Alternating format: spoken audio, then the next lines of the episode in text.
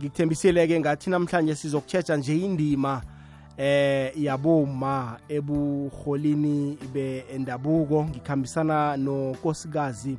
unomandla mhlawuli mm, isithekeli sethu unamhlanje mlaleli kokwezi FM nguye-ke ozosihlaziyela isihloko sethu sanamhlanje khumbula-ke bona sithi wathinta abafazi wathinta imbokotho uma ngusihlalo wendlu yamakhosi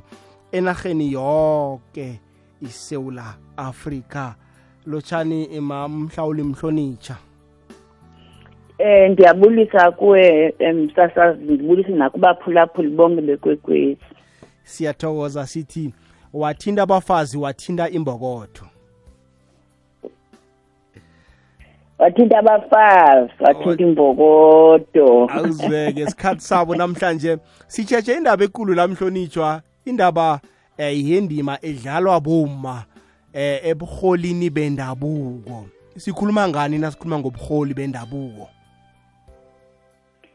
Eh mandibulele ngiqale ndibulele nje kuni nina nithi nizimane nisipha amathuba okuthi siphethe nabaphulaphuli.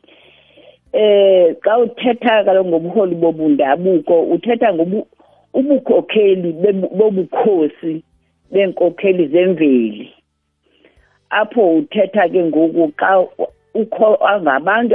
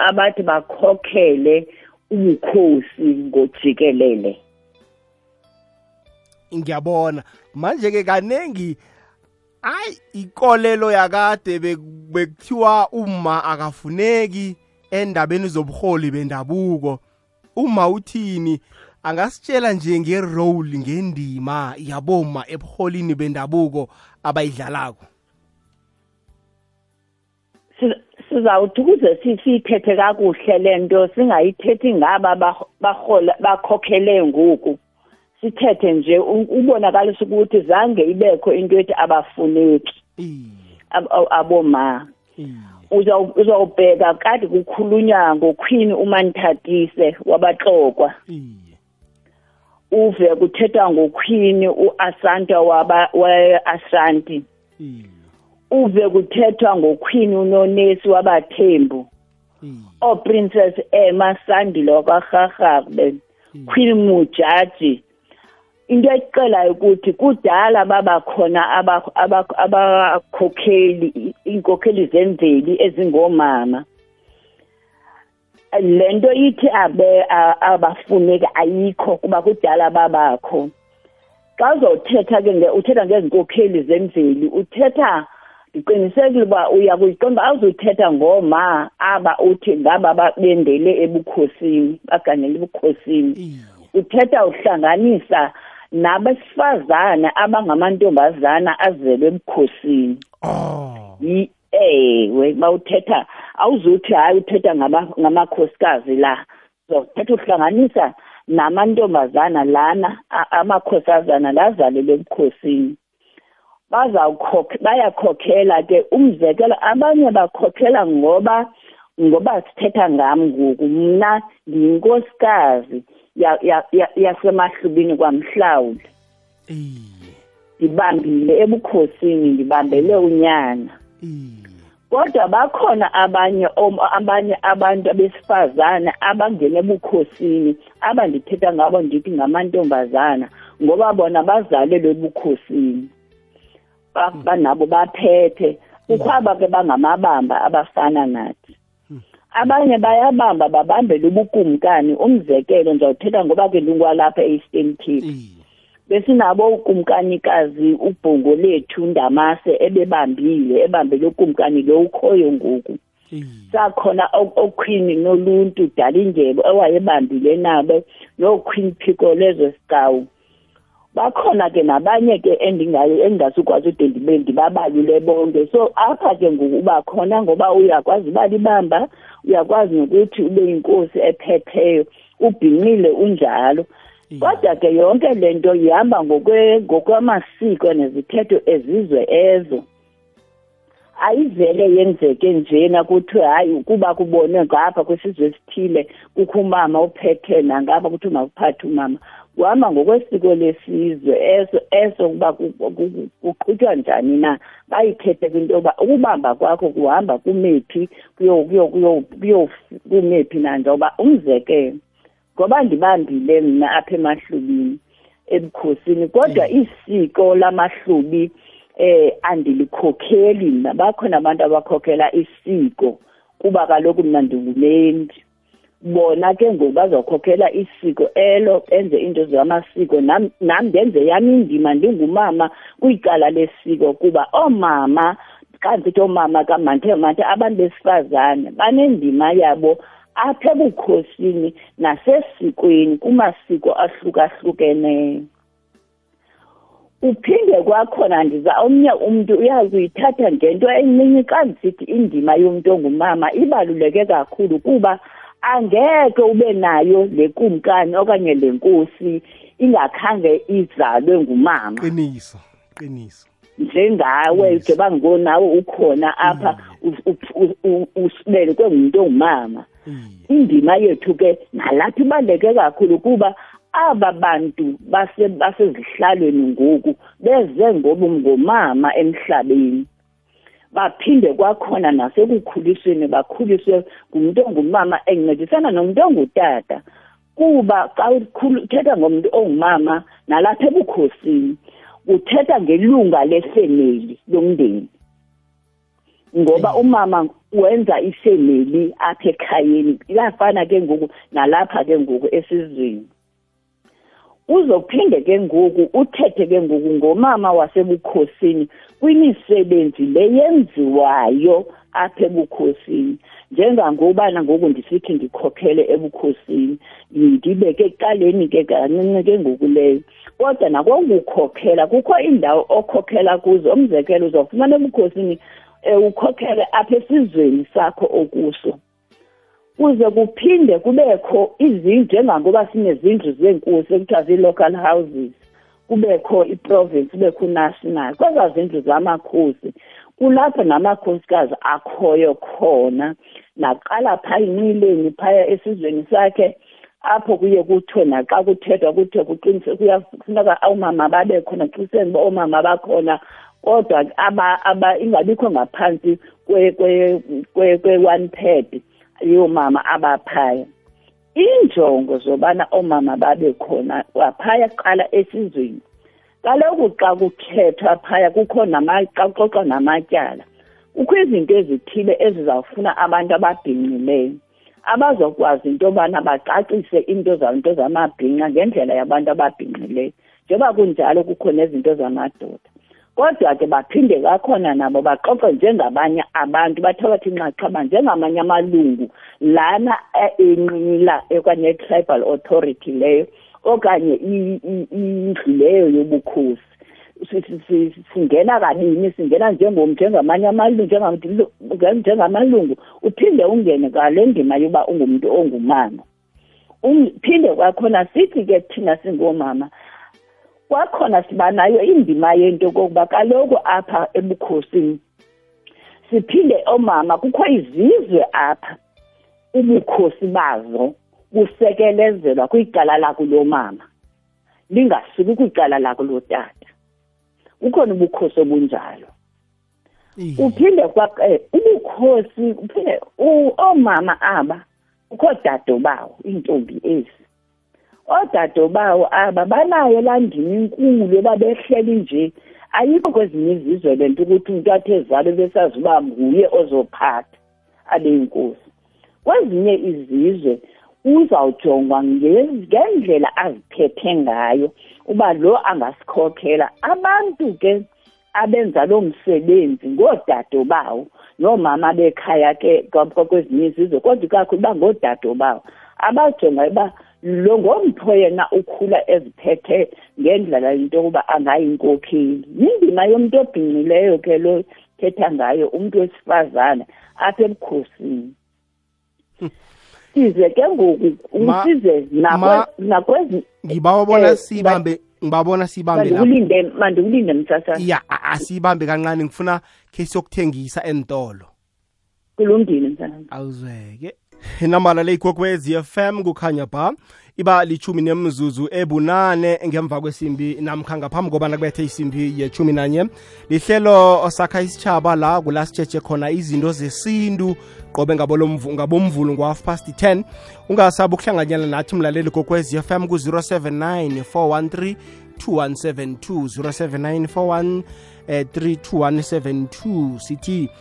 wathinta abafazi wathinta imbokotho sigijima phezu kwenyanga eh yaboma kusasa lilanga laboma amalanga lithoba kurhoboyi 2022 lilanga lokuphumula khumbula-ke bona sikhambisana nosihlalo wendlu yamakhosi eh enarheni yonke uma ikosikazi nomandla mhlawuli sikhuluma nje ngendima yaboma emkhandlwini yobuholi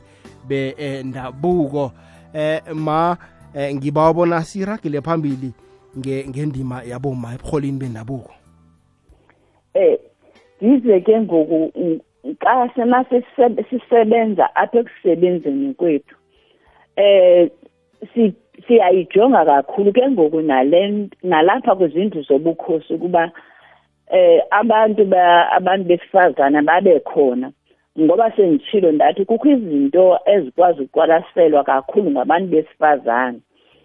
nalapha ke manditsho into ethi ngoba bekunyulwa izindlu zobukhosi ngoku ii-provinces zonke um eh, ii-provinces aziqhubanga kakuhle ukuba nabo abantu besifazane ndingaze nje ndikunye ndenze nje umzekelo omfutshane i-eastern cape inamalunga ayi-38 abesifazane balishumi free state ina-13 abesifazane ababili northern cape ina-13 abesifazane ababili northwest 24 abesifazane ababili Mpumalanga 21 abesifazana bayi4 eh iLimpopo eh ayinayo ingansika inabo abesifazane into ndibhale ndibhale phi kodwa inabo abayi-eight you have got, you've got about eight ilimpopo nayo then i-k z n ine 47 ina only three irhawuteng ke yona as usual ke yona kuba ingena house inabodata abayi-two le nto ke ngoku uba ngiba ndikhulume ngaloo nto le ntoba siya into esiyifunayo ukuthi abo mama babe khona phaya kweza zindlu ukwenza lo msebenzi kuthetha ngawo ngoba izinto ezifana nezinto zenhlalakahle uyayazi into uba kuthetha ngo-social eh, social issues ikakhulu ngoomama bakwazi ukuyiphakamela bancedisana besebenza nootata ngoku oomama beshota akuziba lula ezi zinto into yoba sikwazi uba sizilwe ngoba besele sizama ezinto ze-gender based violence side sakuba mama sisebenze ne-men's parliament ukuba silwe le nto senza ke ngoku as i-traditional um i-traditional men's parliament sithi sizabakho kuzo zonke ezi ezi-tribal authorities i-eight hundred and eighty two zalapha esouth africa sisebenza notakuwani i-organization eyitakuwani reima sisithi sizama ukulwa le nto e-g b v ngoku xa sizawufika phaya ke ngoku phaa kwi-province i-provincial houses kwizandlu zamakhosi phaya amakhosikazi engekho akuzusebenzeka kakuhle yaye kubakho ke eh, kwezi enye into kwezi provinces zikhona ukusebenza okusebenza kakuhle kwicala loomama ndizawuthetha kakhulu ndingene apha empumalanga impumalanga inayo iphaya umhlangano wabantu abangoomama okuthiwa ngamakhosikathi apho basebenza kakhulu kwiinto zokunikezela i-dignitary tax for both boys and girls balime ezigadini kufundisa abantu kulima bavizithele ama-old age home zonke nezi ikakhulu pha enkangala ke then banikezele nezi-school furnitures yinkangala umzekelo phaya enantsikeni empumalanga ngapha eastern cape kunomhlangano oyimbumba yamakhosikazi akomkhulu iinjongo zayo nayo kukusakho ukuncedisana noomama nabantwana nayo yafonyiswa kudala ngutata usikhweyiya through social development iinjongo ukubana isebenze naye ezi zinto zimi ndim ukweemphawariswa kuxhobisa abantu abantu besifazane nokuqinisekisa into yokokubana ebukhosini um kukho uphuhliso kubukhosi ngabunye nasempenaskeni free state nayo i-queens forum sibe nawo e-k z m gogodla kazulu sibe nayo abahumahadi e-north west nakwezinye ke ii-provinces kukho istructure apha endifuna ukuthetha ngaso naso esikhoyo that is mm. i-royal eh, princess eh, network yeyamakhosazana la apha esouth africa ke amanye akhona amanye awakho kuyo lapho leya yona ifocusa kakhulu kwi-gender based violence iba nazo kakhulu ngeli xesha lecovid besingena kakhulu kwinantsika kwi-webinars um nabo mm, kunye ke nendlu yobukhosi sisebenzisana nabo kubekho nenye pha eyi-princess erhabu foundation ipha efree state ikhokhelwa yinkosazana leya yona idilishana kakhulu nokukhuliswa komntwana nee-issues zoba zobuzali that is parenting zonke zaziteyijizi bayasebenza phaya la la la la la ntsika la la, la organization ha ke e, into ebayi ebayimingeni ke kukuba ezinye ke they still need i-support but into ebalulekileyo we are working with ugovernment kwezinto endithetha ngazo through social development eh especially uDMM eh, Mkhupane Zulu ina programs eziningi phaya esiye sazenza sawenza ne dialogue kunye nabantwana abangamakhwenkwe kuba siqonde uba sifuna ke sive uba kwenzeka ntona bazichaze kwamakhwenkwe izinto saphinde senza nezinye ii-programs esithe sazenza singoomama um eh, eh, kunye ne-social development apha ke ipledge sayine ipledge nabantwana pha e-, enyandini abangamakhwenkwe singiyimbumba amakhosiomkhulu uh, sithi siyabancedisa indlu yobukhosi ile unational uye walontsha istrategy apha e-, esingu-ingress rural sabe iyona njongo apha sifuna ukuphuhlisa ama e, ezilalini ngakumbi oomama aba bakwazi into okokubana bangaxhomekeki because ezinye izinto ebenza uba babe zii-victims ze-gender based violence kukuba bexhomekeka ebantwini athi umntu noba bengamfuni umntu kuba yena engenanto indlela azawuphila ngayo azibone ke ngosele ezibophelela apho siphinde ke sincedise sicelwe zibe khona input ekuthiwa masizenze eh singomama bakomkhulu namakhosazana that is abesifazane kwizinto ezi kwimithetho ethile kuthiwa masike sifake nakwi-bills inantsika ezethu inputs siyayenza loo nto siyaya naxa kuthiwa naliphulo umzekelo nakumntu okanye kuthiwa phaya kubulewe umntu okwenzeke into ethile embi yayimbumba amakhosikazi akomkhulu ayaya amakhosikazi nakwezinye iindawo ahamba ayosapota kwizindawo kwiindawo ezinjalo ndiyacinga ukuba ezinye ii-programs ezikhoyo zihamba ngokwe ungangazifumani ezinye ii-programs kanti traditional councils ngoba bakhona omama abasebenza pha kwi-traditional councils bengekho kwimibutho ngemibutho sinawo umbutho wethu ongucontralesa apha ucontralesa yi-organization yobukhosi nayo inayo le windi yabantu ababhinqileyo nayo inabo oomama kwizi-structures zabo kodwa ke nabo kule game ngobe besonyula basiphoxile kuyiyo ngamadoda odwa kubo i-leadership yabo ngoba bebesonyulwa njena akukho mntu ubhinqileyo bayayazi loo nto besiyikhalazele ngoba kaloku funa sisebenze kunye ukulwa le mingeni sinayo ngoba sithi kaloku thina ngaba ke ngoku um eh, eh, sithi singoomama ukuba siye oomama bahambe bayomatsha ngo-nineteen ngo-nineteen fifty six bahambe bawumatsha okanye siphinde sinizise emhlabeni ngaba yindlela enisibonga ngayo nale nisiphethe ngayo apha emzantsi afrika siniyabe somatsha sakugqiba siphinde kwakhona sinizise emhlabeni yindlela nale enisibonga ngayo thina bantu babhinqile emzantsi afrika ezo zinto ke sizithetha sisonke kuba sithi makungabikho abathetha bodwa ecaleni masithethe sonke sidibene sidibane omdala nomncinci sisithi siyayikhuthaza nento kokuba xa kuthethwa phaa kwezakrithi zethu make ke ngoku kufundiswe kuye kudlaliswa nje oonoputi abangaziwayo uba benza ntoni aba into efundiswa phaya noba yayiziba yinto ezawusinda abantwana engqondweni make ibe zizinto ezi zinto abantwana bazawufunda lukhulu kuzo ngoba le nto ikhumthwayo kuthiwa yipatriyakhi yinto esegazini lena yisistini akulula kuvele uvuke uthi hayi ndiyisusile ndayilahla kude izawumane isuka kufuneka kuqalwe apha ezantsi ngokuba ke aba badala bona seyisegazini kufuneka kuthethwe kusinyalwe kubo kodwa kulungiswe apha ezantsi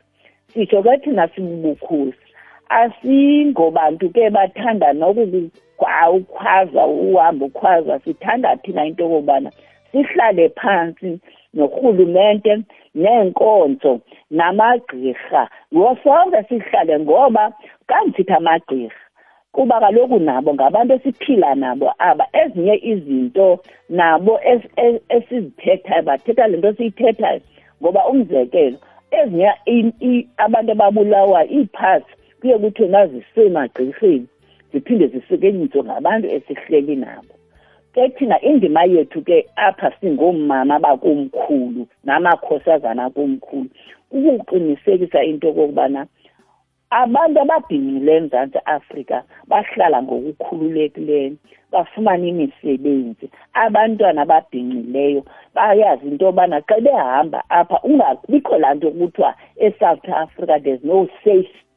safe place for abantwana ababhinqileyo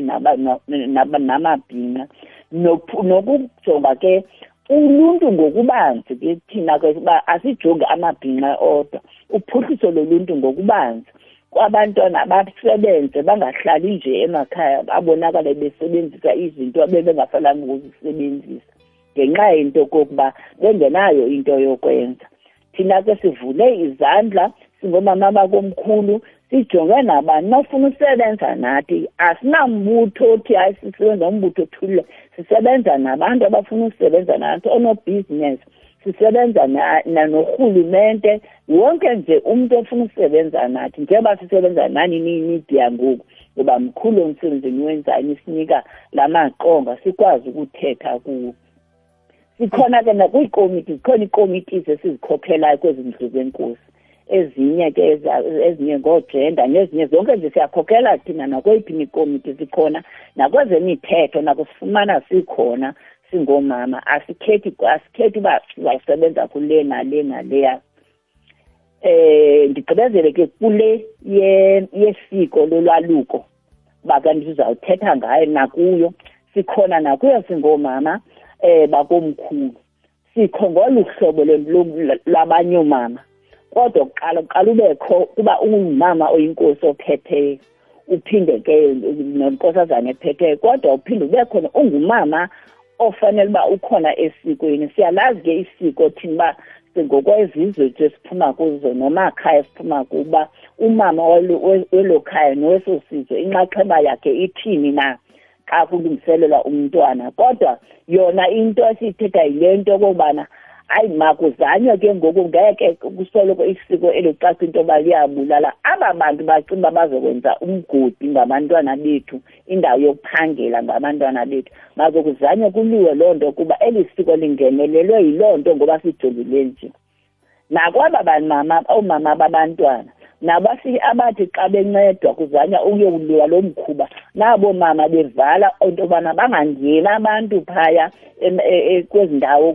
kophulwa kuzo umthetho umntu bavale oomama kwezinye iindawo yiripoti ebesiyifumeneleyo sithi ke singoomama bakomkhulu kaloku makhosikazi kufuneka nathi sincedise apha ekukhuseleni ekufeni abantwana singancedisi uba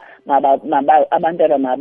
mabangabuyi phaya okanye bonzakale kuba xa sinqanda ngokotata uba bangayi phaa sivale okanye nathi sithathe nezinye izinto sizenze rongo umzekelo abanye kuthiwa baya nakula mabhuma umntu obhinqileyo akaye ebhumeni nakweyiphi nesizwe zange sive kuthiwa uyaya so make sizame ukuhlonipha ke enye into siyenza ngempazamo ngokungazi sifundisana sikholwa loo nto ke thina boomama bakomkhulu sifundise nakwiinto ezinjalo sikhuthaza nemfundo ke kumaziko emfundo into yokokubana abantwana bafunde um bakwazi bakhethe izinto mabazifunde ngoku bangafundi nje ngoba kuyacaca uba funeka bakhethe ngokwemisebenzi ekhoyo emzantsi afrika hmm. ya ungizwisa ubuhlungu nawuthi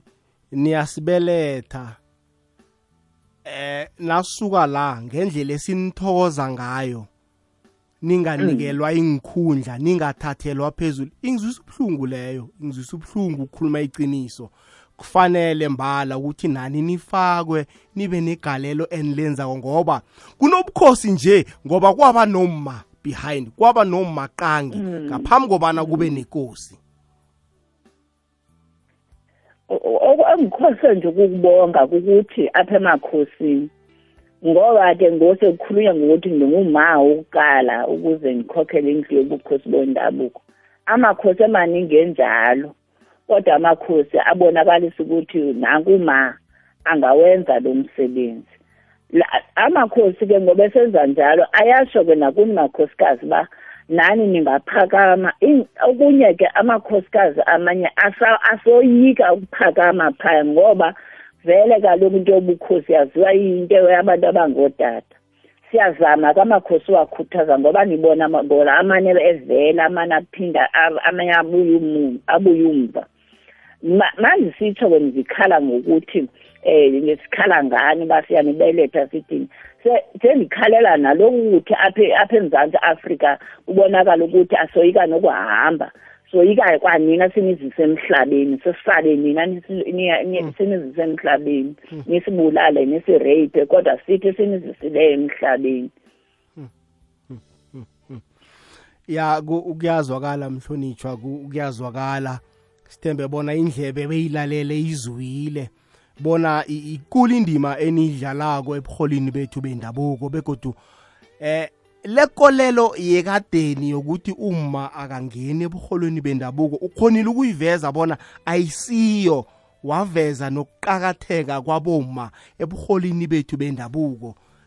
mina ngikuzwile ngikuzwile kwangathi naboma banganda banganda enitshabeni mm. zonke badlale iroli ikuli iroli abangayidlala ikuli indima abangayidlala kumbula kunesitsho esithi na ufuna into yakho yande fundisa umuntu onguma umnikela ithoro yinye uyandisa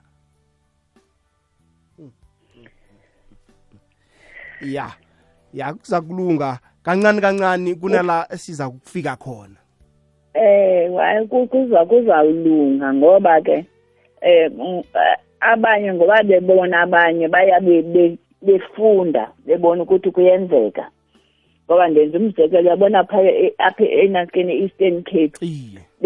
inani laboma kulaa ndlu yobukhosi khona besiphakwa ko-seven lenyuka ngoku ngu-ten liyenyuka inani um kodwa kwezinye ke kumane kusihla kwezinye kuphinde kunyuke yaye enye into ke e, e, ebukhosini engelula kukuthi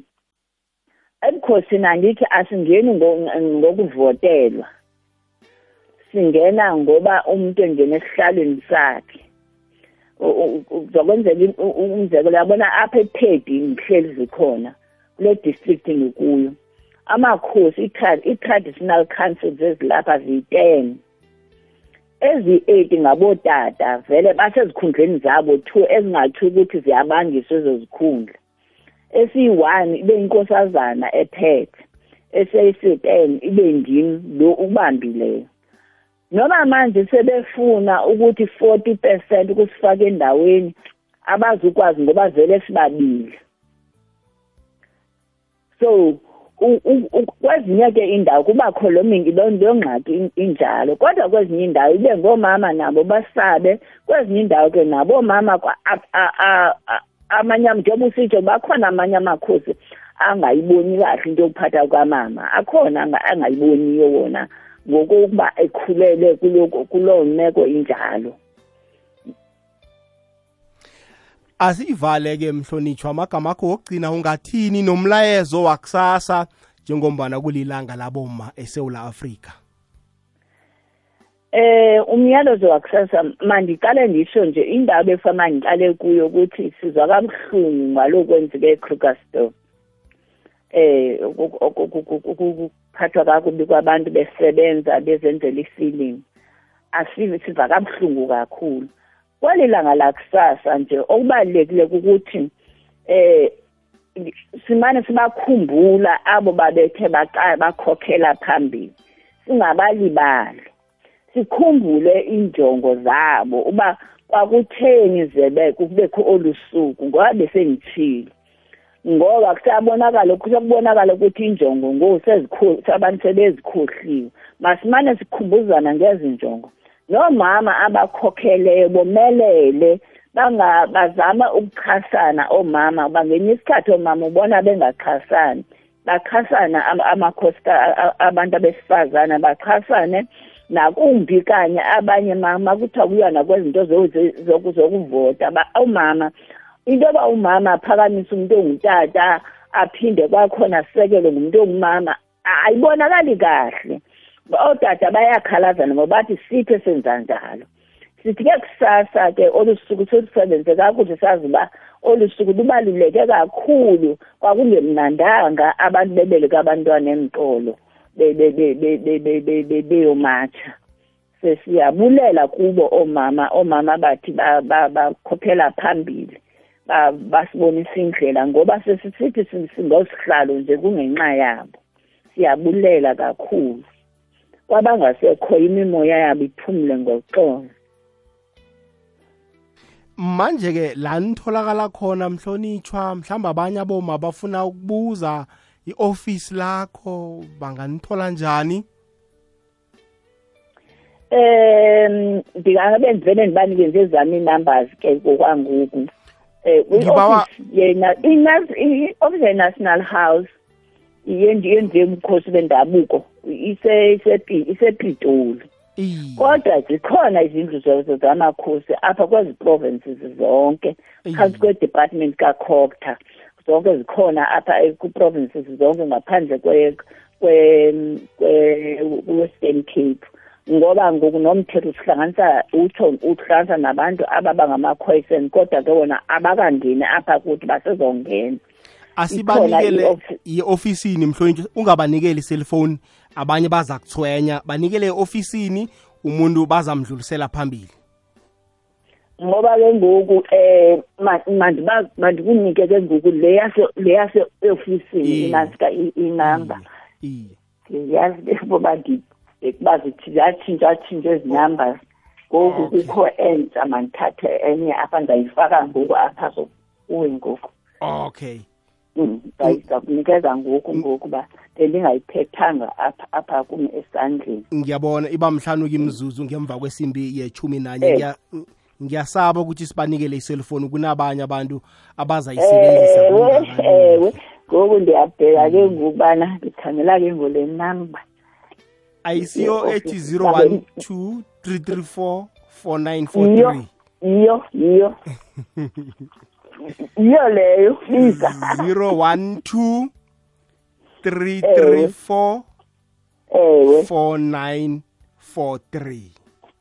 yes yiyo le yiyo le eh, ibambe kahle 0123344943 umlaleli usokudosela lapho izongenela ngepitori atsho bona ufuna ukusizwa ngani bazamnikela inomboro zakulele ofisi ekufanele adluliselwe eh, kilo eh umuntu ofuna usizo eh siyathokoza eh, siyathokoza nathi yazi inantsika kuni